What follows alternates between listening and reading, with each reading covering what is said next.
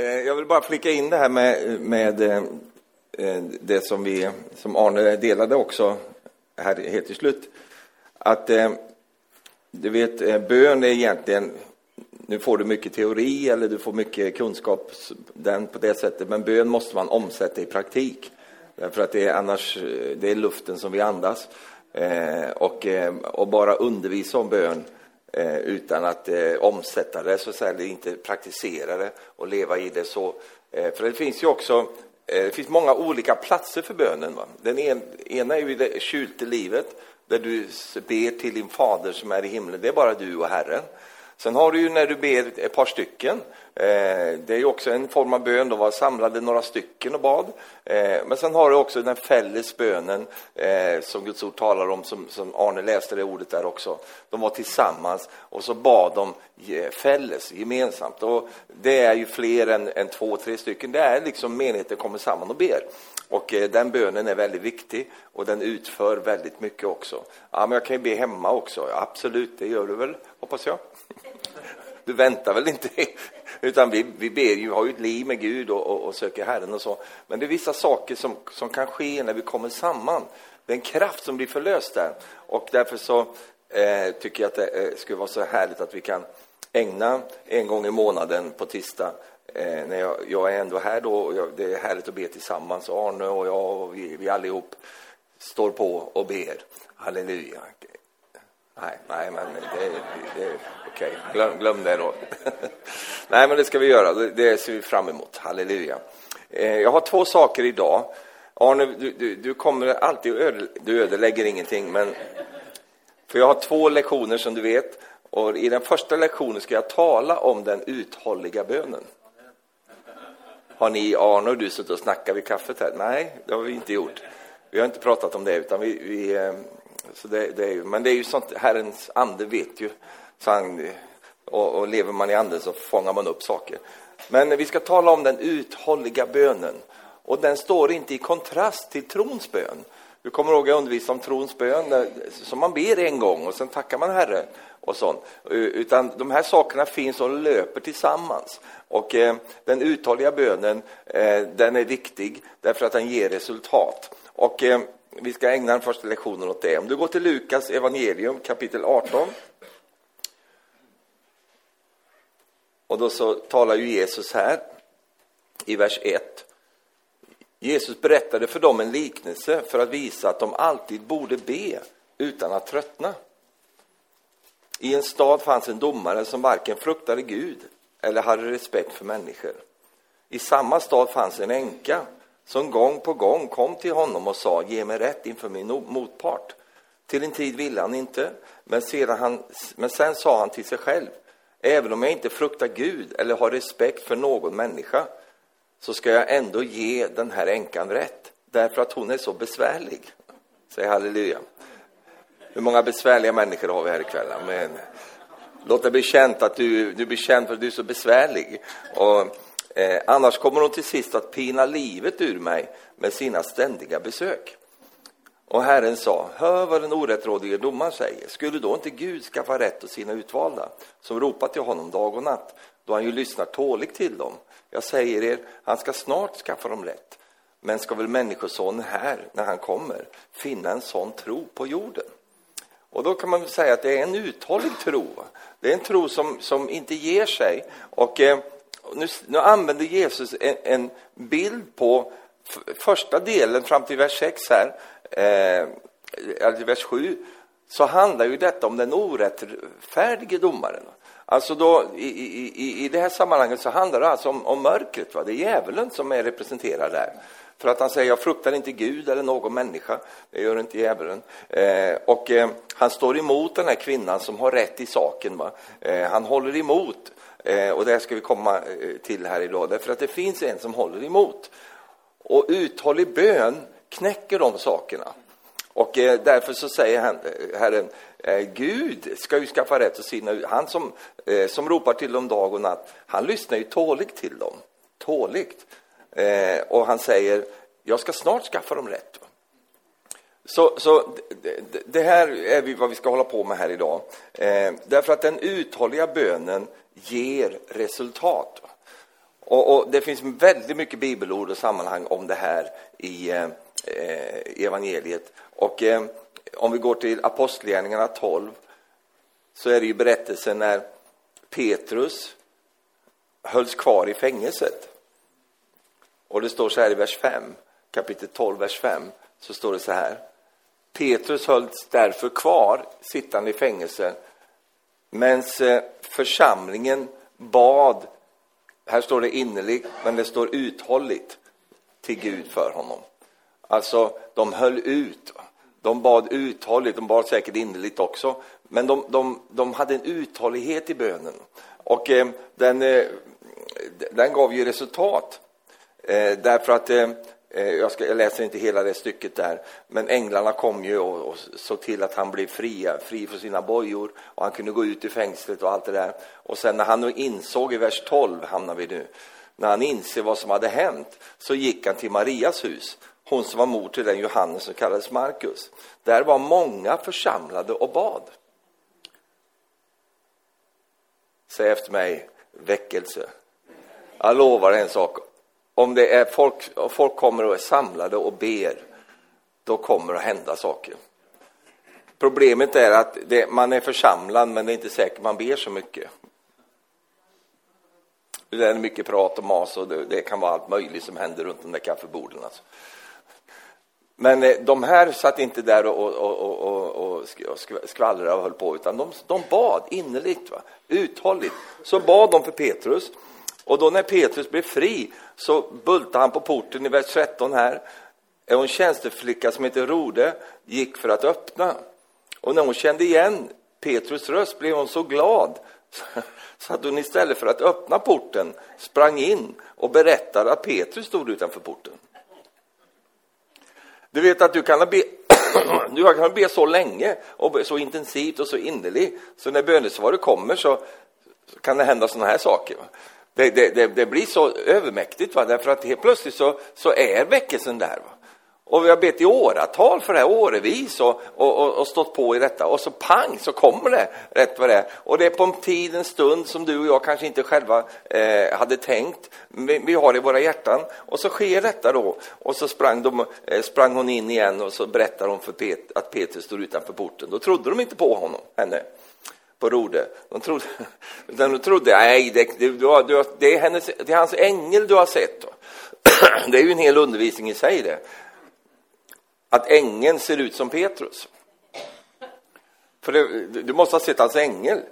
Eh, och, och, så. Nu ska jag inte gå in på det nu, utan, eh, men till slut så fortsätter han ju bulta där och till slut så ser de ju att det är ju Petrus som står där och så blir de väldigt, väldigt glada. Vad var det som gjorde att det här kunde ske? Jo, att församlingen bad uthålligt. De, de, de, de höll, höll ut i bönen helt enkelt. För det är ju det som är uthållig bön, det är att hålla ut. Det är bara att vända bordet. Va? Att man håller ut i bönen. Och ibland så, så får vi nåd att göra det. Jag tror att det är så här, vänner. Jag tror att det finns en speciell nåd för det här. Att Gud kommer, och ska, vi ska titta på det lite längre fram här idag eh, också, för vi har ju den helige Ande, och den helige Ande hjälper oss att hålla ut i bönen. Amen. Stärker oss och uppmuntrar oss och alla de här sakerna. Eh, så att vi ser att att det, det gav resultat när de höll ut i bönen.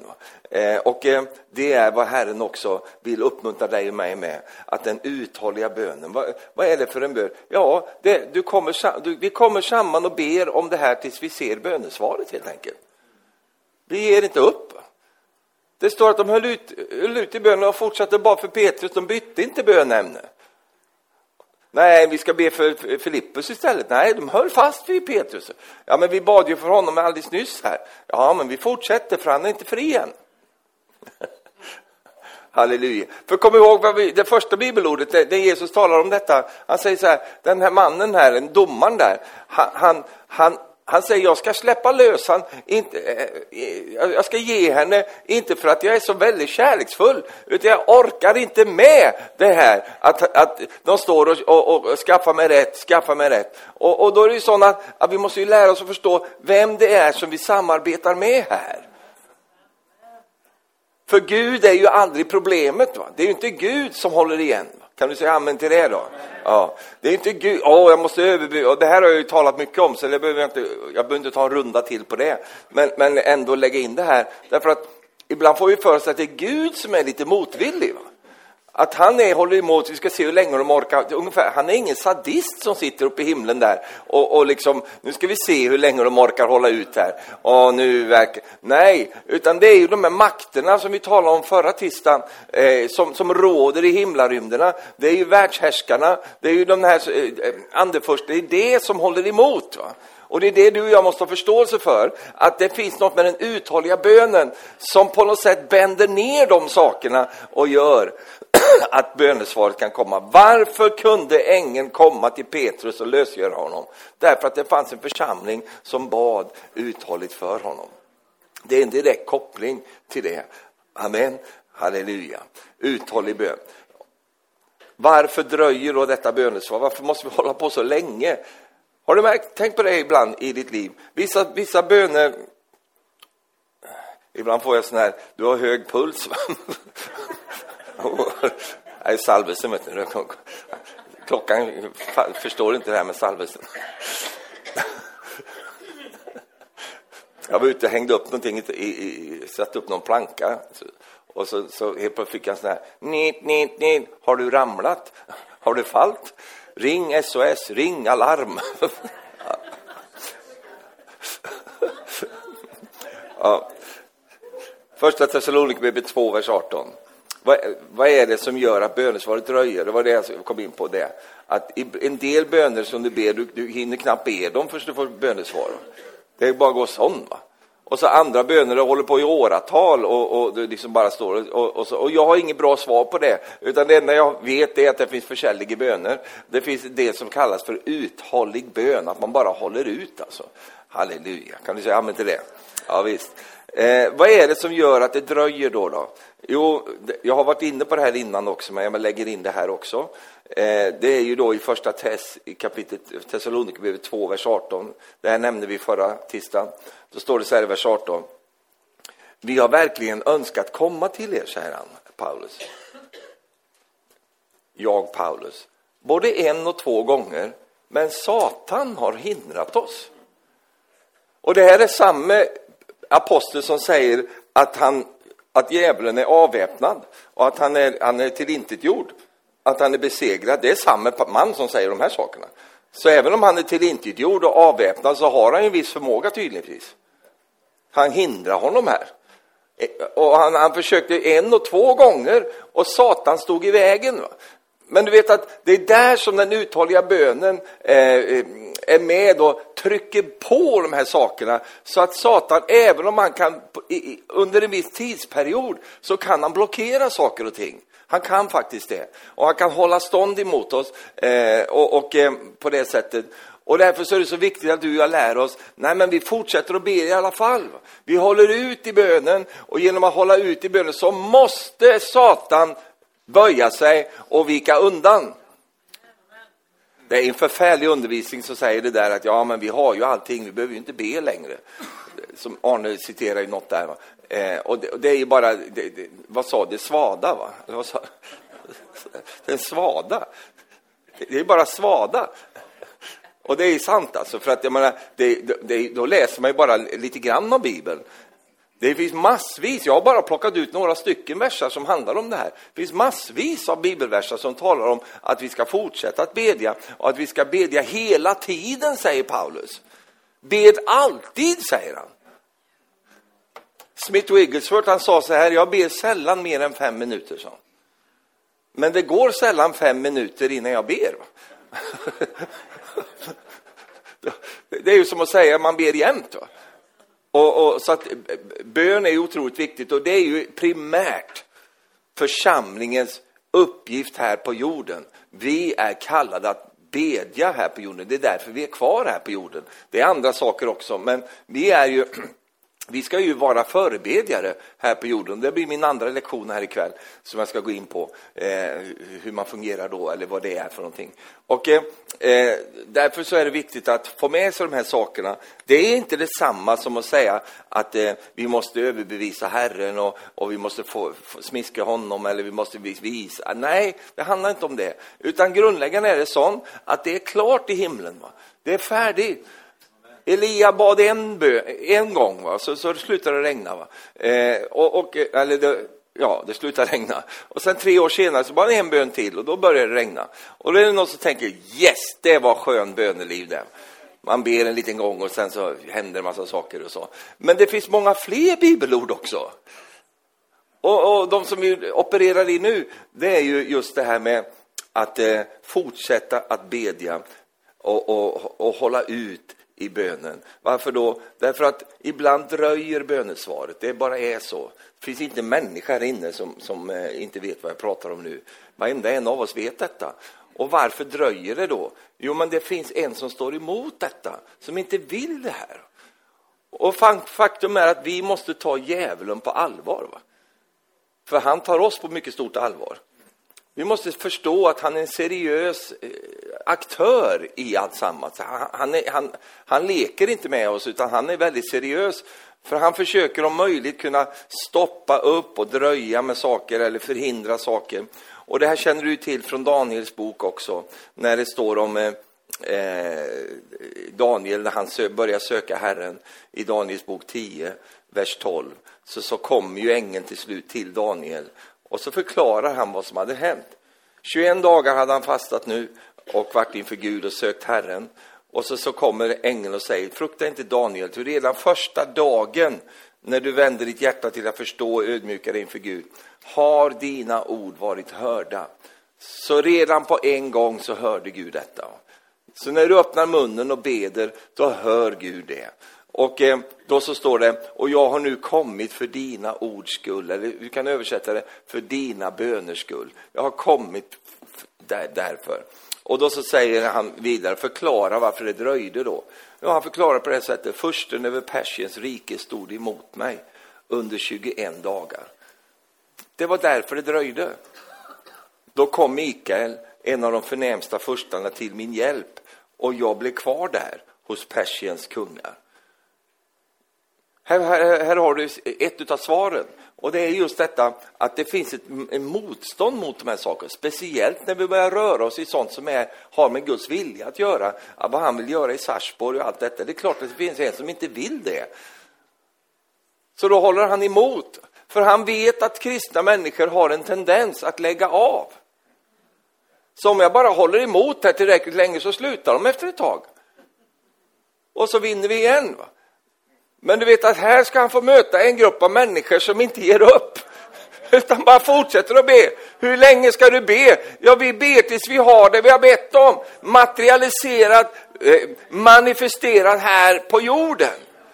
Halleluja. Jesus gav ingen tidsaspekt när han sa be så här, ske din vilja, så som det sker i himlen, så också på jorden. Han sa inte det ska du be en gång, utan eh, det är någonting som vi fortsätter att bedja. Vi beder ut detta, ske din vilja över Sarsborg. Åh, låt det ske här nu idag. Åh Gud, vi ber om detta. Så, så, så lösgör man Guds möjligheter att göra någonting här på jorden. Därför att Herrens armar är låsta om inte någon öppnar upp de armarna genom bön. Det är bönen som öppnar Guds möjligheter till att verka och göra det han önskar göra. Amen. Och den som, det var en som sa så här, det du inte har i bön, va, det får du ha i bena. Det är därför vi har så mycket aktiviteter. Va? Det är så mycket mas, det är så mycket stress, vi sliter ut oss och håller på. Därför att vi, vi, vi gör mycket, men vi ber lite. Och Gud önskar att det skulle vara faktiskt det motsatta. Be mycket så behöver du inte göra så mycket. Jag har ju en liten mamma, hon är hemma hos Herren för länge sedan. Hon gjorde inte mycket, alltså hon gjorde mycket i familjen och så. Men hon var inte så aktiv i menigheten för hon hade ju så mycket barn va, så hon kunde inte gå på möten. Men hon var en bedjare. Va? Och hon bad och bad och bad. Det var, det var det hon höll på med. Hon bad och sökte Gud och, och, och, och liksom sådär, för barna och allt det där, precis som du gör. Och det, det höll hon på med. Och när hon lämnade det här jordelivet och försvann till Herren, då märktes det.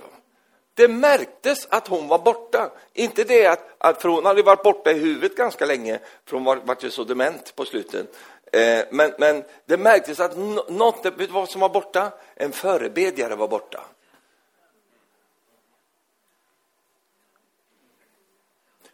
Och det är därför som vi behöver förebedjarna nu i den här tiden mer än någonsin. För många av de som har stått trogna och, och, och, och ropat till Herren och, och stått i förbundstjänst, de är hemma hos Herren. Alltså.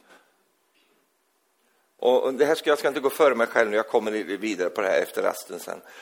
Ehm, så bönesvaret dröjde därför att det fanns ett motstånd emot detta. Och det, du, du märker själv det här när du går in i förbön, så märker du att det reser sig ett motstånd emot det. På lite olika sätt. Har du märkt det? Har du märkt något? Ja. När vi börjar bedja, då känner vi ibland att vi blir så slitna, vi blir trötta. Inte du alltså, men eh, svenskarna blir det. De blir trötta, orkar inte. Och Jesus säger det själv, han säger till sina discipler, han frågar, kan ni be med mig en timme? Så För det var det han sa egentligen. Kan ni, kan ni be med mig en timme nu? Och så går han undan och sen så uh, kämpar han den kampen som han kämpade där. Kommer du tillbaka så sover de. Är det någon som känner igen sig? Nej. Så ligger de och sover där. Va? Och så gör han detta då i tre gånger och de sover varje gång han kommer dit och så till slut så säger han så här Orkar ni inte be med mig en timme ens? Va? Och de var helt sömndruckna, för det står så här att de var så betyngda utav bedrövelse, står det. Det kom någonting över dem där. Och vi förstår ju detta att nu var ju Jesus i, i epicentrum utav det han kom för att göra.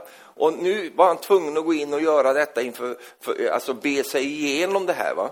Eh, och då gjorde han det, han gick till sin far och så hade han de här samtalen med Gud och, och allt det här som eh, eh, gjorde att han kunde få en förlösning sen och gå vidare och ta det här eh, som han sen gjorde, det synliga som vi fick se på Golgata. Och, och, där kunde eh, disciplerna hade inte kraften att vara med där. Därför att det var sånt det var sån strid där. Det var så, och det, du har, du har, på något sätt har du också rört dig in i det här någon gång i ditt liv, kanske många gånger, där du känner, käre Gud, vilket tryck alltså. Och det är inget fysiskt tryck. Om det inte är så att din, din fru håller på och liksom slår på dig, då, då kan du ju snabbt se det. Men, utan det är en annan typ av tryck. Va? Och det är därför som en del kristna, de, de backar undan då. Därför att jag fy vad jobbigt det är. Varför är det minst folk på bönemötena? Eh, jo, det är, ju, det är inte för att folk är, eh, liksom, inte förstår att det är bönemöte, utan det är att det finns ett motstånd emot det. Det är bara det jag vill försöka eh, lyfta fram. Och det här känner vi ju alla av i våra liv. Och, och då finns det ju en del då, då tar de kött till arm. Och så, nej nu, och så blir de andliga fakirer som, som börjar liksom lägga sig på spikmattor och allt möjligt och, och håller på där och ska minsa, nu håller vi ut så här. Och så får de den där nasala stämman också. Och så börjar de hålla på detta och då kommer det ännu mindre folk på bönemötena. För det är inte så vi möter det. Utan det handlar om att jag fattar ett heligt beslut på insidan av mig. Att det är inte att jag ska göra en massa åthäver och, och, och härja och hålla på. För då är det inte konstigt att man blir trött alltså. Utan det handlar om att jag i mitt sinne har bestämt mig för, nej, jag släpper inte detta nu förrän jag ser att Petrus kommer hit. Va? Det är den attityden va? Som vi måste ha i våra liv. Och det räcker många gånger med en attityd, en hållning. När jag bara har en hållning, nej men vi slutar inte med detta, utan vi fortsätter med det till dess att vi ser det. För då kommer vi också få uppleva någonting, att allt det andra blir så mycket enklare. Det blir så mycket härligare och lättare att hålla på med, därför att jag har gjort det eh, som jag ska göra i rätt ordning. Amen. Gud glömmer inte dina böner. Kom ihåg det. I Apostlagärningarna 10 så står det så här i vers 1. Det är en underbar, underbar sammanhang här. Så står det så här. I Caesarea så bodde en man som hette Cornelius, en officer vid den italiska vaktavdelningen. Han var from och han fruktade Gud, liksom alla i hans hus. Och han gav frikostigt med gåvor till folket och bad alltid till Gud.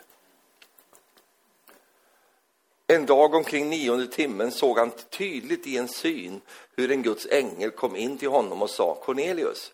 Han stirrade förskräckt på ängeln och frågade Vad är det, Herre? Ängeln svarade Dina böner och dina gåvor har stigit upp till Gud som ett offer han kommer ihåg.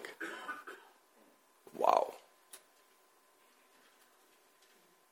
Tänk på det när du lägger i kollekten nästa gång. De pengarna de, de försvinner inte bara ut i verksamheten, de försvinner upp till Herren också. Herren kommer ihåg vad du ger.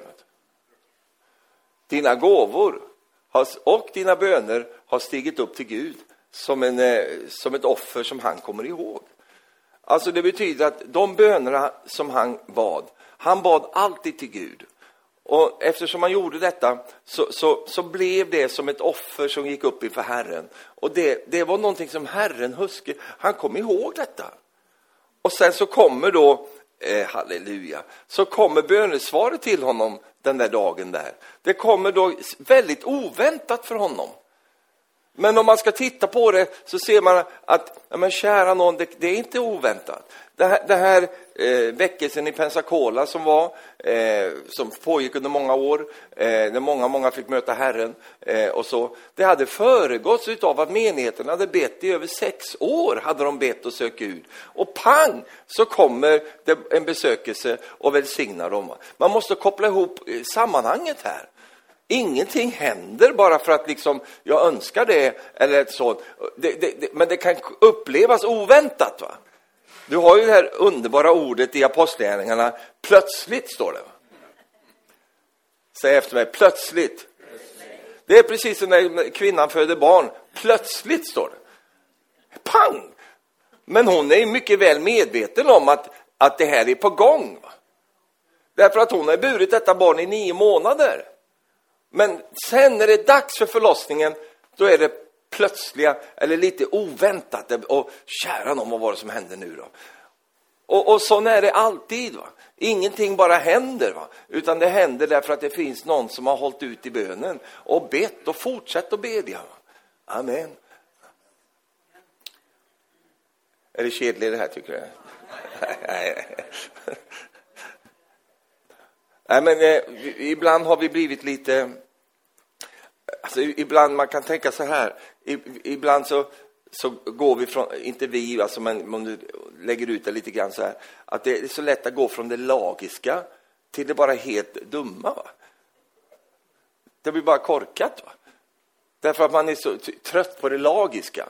Så jobbigt att hålla på. Uh, så här, och det blir sånt. Och så kommer en reaktion på det. Och då blir reaktionen sån att ja, men vi gör ingenting. Och det känns ju lite skönt ett tag. Vad skönt, jag gör ingenting. Då. Ber du? Nej. Läser du Bibeln? Nej. Vad gör du då? Nej, jag bara... Jag bara... Allt är klart. Halleluja. Jaha, du har inga ut... Nej. Du har ingen jobb? Nej. Jajamän. Och så, så kommer det ju någon som kanske har ett, just den här eh, som, som vi talar om ikväll. Då blir det reaktioner där. Va? Och vad blir reaktionen oftast? Lagiskhet. Det är lagiskt. Nej, det är inte lagiskt, det är bibliskt. Amen.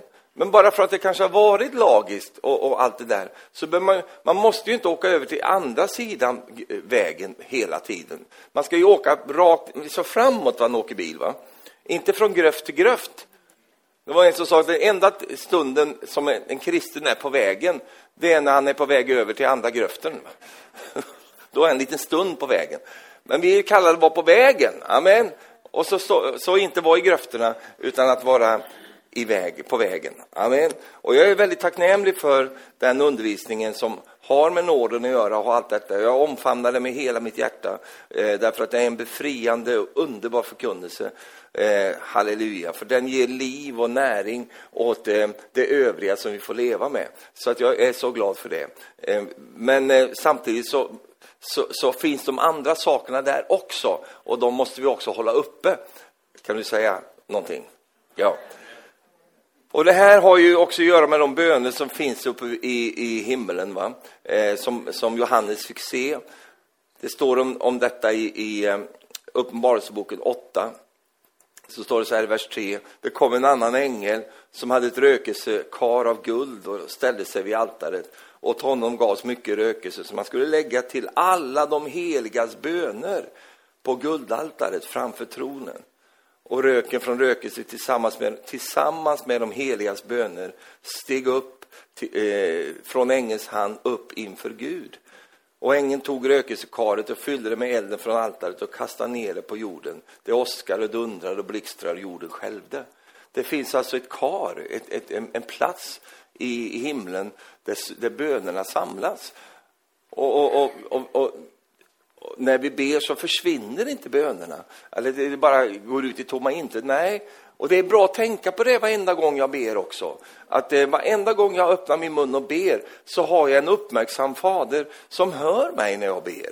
Så att det, det är med att bota slentrianen. Va? Och det här att ja, det känns som jag bara pratar ut i luften. Men det gör vi inte, utan de stiger upp till Gud, de här bönerna. Och, och när tiden är inne så kommer en eh, härlig, underbart bönesvar. Kan du säga halleluja? Och jag är övertygad om att det här, är vi, det här är det vi går in i nu. Vi går in i det mycket mer än vad vi någonsin har. Och vi går in i det, inte utifrån att vi måste, nu måste vi gå, nej, utan för att tron växer i våra hjärtan. Och vi bara känner, ja, jag ska hålla ut i bönen. Amen. Den helige ande ska ta en, lite om det också. Den helige andes uppgift då i det här, det är ju att samarbeta med dig i bönen. Men de måste, och det, det, det, är absolut ett samarbete. Va? För den helige ande gör inte ditt jobb och du behöver inte göra den helige andes jobb, utan det handlar om ett samarbete. Man, man, man står tillsammans med den helige ande och det är ju så väldigt härligt i Romarbrevet 8, vers 26, där det står så här. så hjälper också anden oss i vår svaghet. Är det någon gång du upplever svaghet så är det ju när du går in i den här typen av bön. Va? Du känner dig bräcklig och svag och sårbar. Och det är det man gör, för man ger sig ut i en strid, va? man ger sig ut i en kamp. Och, och då känner, åh, så här. men du vet, då har du den helige Ande. Han hjälper oss i vår svaghet. En annan översättning säger så här. Vad är det för vers du har lagt upp där? Ja, köttet, ja, det är sant, det, det är död.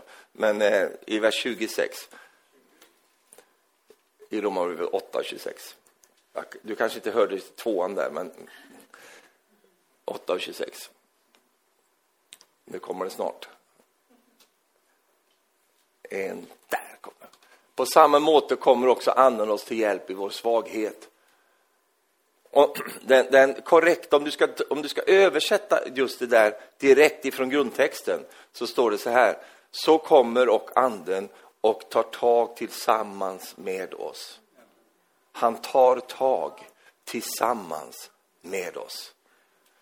Och det här är fantastiskt. Det här upplever du ibland när du beder. Ibland känns det som att kära, det, det är bara tungt. Och så upplever du en inre jag vet inte vad jag ska förklara det, då upplevs det ja, faktiskt som det är någon som kommer och drar lasset med dig. Va? Hur många har upplevt det någon gång när du har bett? Det är inte på en gång, men efter ett tag känner man, nu tar det tag här. Och vad är det då för någonting? Jo, det är bönens ande, det är den heliga ande. Han kommer och tar tag tillsammans med oss. Men då måste han ha någonting att ta tag med. Och det är ju att du och jag måste slå upp ett bön, e, e, e, en, bön. Va? Vi måste ju leva i detta. Annars har du ingenting att ta, ta tag tillsammans med oss. Därför att så går vi vidare här. Det står ju så här, ty vi vet inte vad vi bör be om. Har du varit där någon gång då? Ja, men om du, du tar det som är närmast dig, va? så det är dina barn och dina barnbarn och så. Det är väldigt svårt att veta vad man ska be om. Alltså. Ja, du ser ju dem rent fysiskt, men vad ska du, vad är det, vad ska jag be om? Det finns en som vet. Halleluja. Amen. När vi pratar om menighet, det är inte lätt att veta vad man ska be om. Och man kan lägga upp scheman och sådär och säga nu ska vi be för det och vi ska be om det och så idag ber vi för Israel och nu ska vi be för helande, nu ska vi, vi har olika sådana här. Nu ska vi be för pastorn, nu ska vi be för, för menighetsfolket, nu ska vi be för, ja, nu ska vi be för nya stolar. Och vi har alla möjliga såna olika projekt när vi ber. Och det är fint, jag har ingenting att säga om det. Men det är inte det jag pratar om nu, utan nu pratar jag om när jag kommer inför Gud och sen så eh, vet jag inte riktigt vad jag ska be om. Det är ganska förvirrande i tiden alltså. Och hur ska vi be nu? Ska vi be nu att, att eh, Ryssland blir utraderat? Va? Att Putin kan få en kula i huvudet? Va? Och, och, och så. Det är ju lätt att tänka så här. Man tänker, ja, oh, så här. Ja, men jag vet en som vet hur man ska be. Och det är den helige Ande. Han vet hur man ska be och vad man ska be och vilken, vilken linje man ska be i. Och det är så underbart med den helige Ande också, det är ju att om man, om man kan vara lite flexibel och inte så, så eh, liksom förutsägbar i sitt eget böneliv, utan öppna för den helige Ande. För att det kan vara så att den helige Ande vill att du ska be om något helt annat än vad du själv har gått och tänkt på. Och så kommer Guds ande över dig. Och, och det här har du ju märkt i ditt liv också när du ber. Helt plötsligt så ber du, kanske hela bönestunden går åt åt att be åt ett av dina barn. Va? Och så slänger du in de andra lite snö på, och så Bertil och Bosse och, och Göran också. Tänk på dem med, Herre. Du har ägnat en timme åt att be och det... för Emil. Va? Men det, det, gör ingenting. Det är inte så att, ja, men nu blir, utan det är den helige ande lägger det på dig och så, så, tillsammans med dig så drar han in dig och mig igenom det här så att det går till seger. Ty vi vet inte vad vi bör be om. Bara det är ju ödmjukande. Va? Att, ja, men jag vet inte vad jag ska be om. Men, men anden själv, står det vidare här, ber för oss med suckan utan ord. Och han som utforskar hjärtan, han vet vad anden menar eftersom anden ber för de heliga så som Gud vill. Jag älskar detta, så som Gud vill. Inte som vi vill, utan som Gud vill. Vad vill Gud för någonting? Det vet anden. Anden vet vad Gud vill. Och när jag kopplar med den helige ande på det sättet så kommer det bli resultat. Va? Det kommer att bli det. Och jag upptäckte i mitt eget liv också att när, när, när Guds ande kommer över en på det här sättet, och man börjar bedja på det här sättet, då hamnar man som, nästan som, inte i ett lockdown, va? Det, det blir fel, va? men i ett lås. Va? Och helt plötsligt så, det finns inget, man, är, man blir som, eh, vad ska vi säga, man, du får, ko, du, du, du, va? Ja, det kan man ju säga faktiskt. Ett tunnelseende, va? Alltså, du, du, du, du får in kornet, va? Du, du, får, du får rådjuret i siktet helt plötsligt, va? Och sen så, så låser man det där, va? Har du sett det där de skjuter upp såna här raketer, såna här robotar? Och så har de någon flygplan eller något som ska skjuta ner. Och så söker den här roboten det där. Och när roboten hittar själva the target, då låser den sig och sen är det bara kaboom efter ett tag. Och just det där, när, när i början man sväva lite så här och, så och så helt plötsligt så är det där va. Och sen så, så, så, så, är man som låst i den positionen i bönen som gör att man, eh, man håller fast vid det man släpper. Och det är den helige Ande suverän på. För du vet att ditt sinne, det vet jag hur det fungerar, ungefär som mitt. Det går ju åt alla möjliga väderstreck när vi håller på och ber. Va? Du är ju lite överallt i ditt böneliv när du, när du får hålla på här uppe i Hoden. Va? Eller?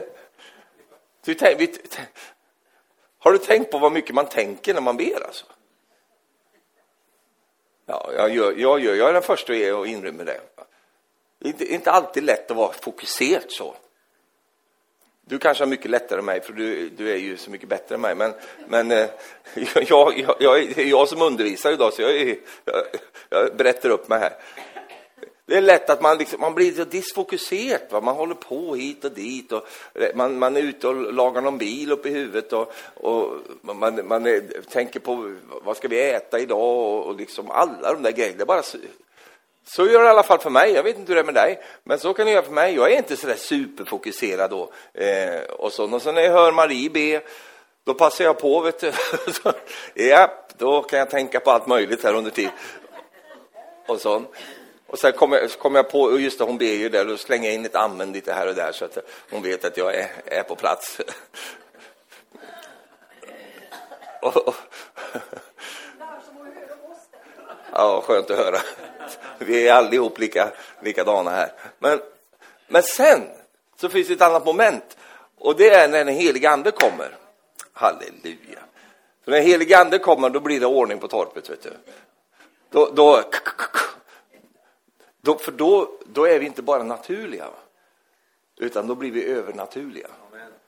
Och då kommer vi in i en annan dimension i bönen. Och har du märkt en sak, och jag vet att Arne har märkt det och vi alla har märkt det säkert någon gång, då kan två timmar gå sånt.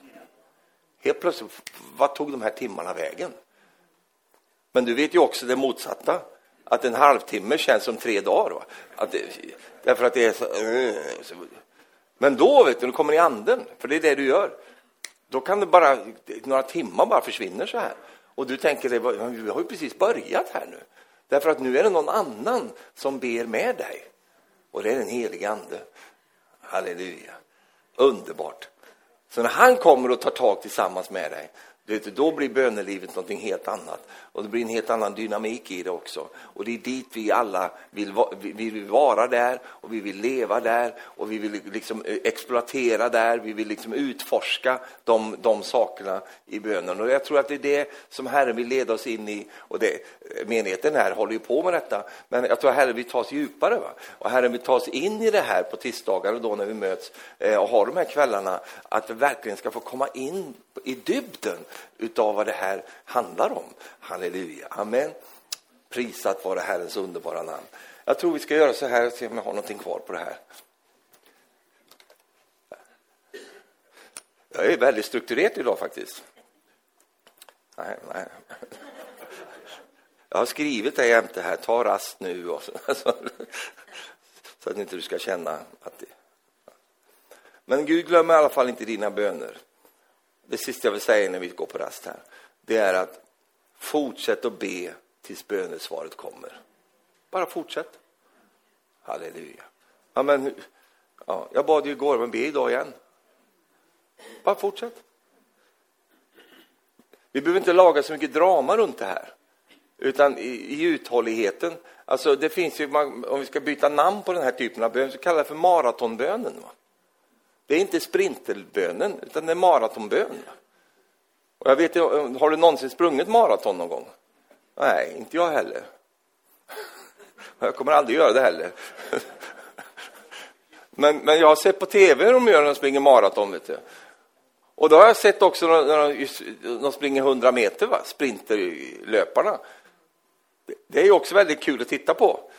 Och så kommer de här beniga maratonlöparna, va, så springer man till en kära, någon har du inte ätit på tre veckor.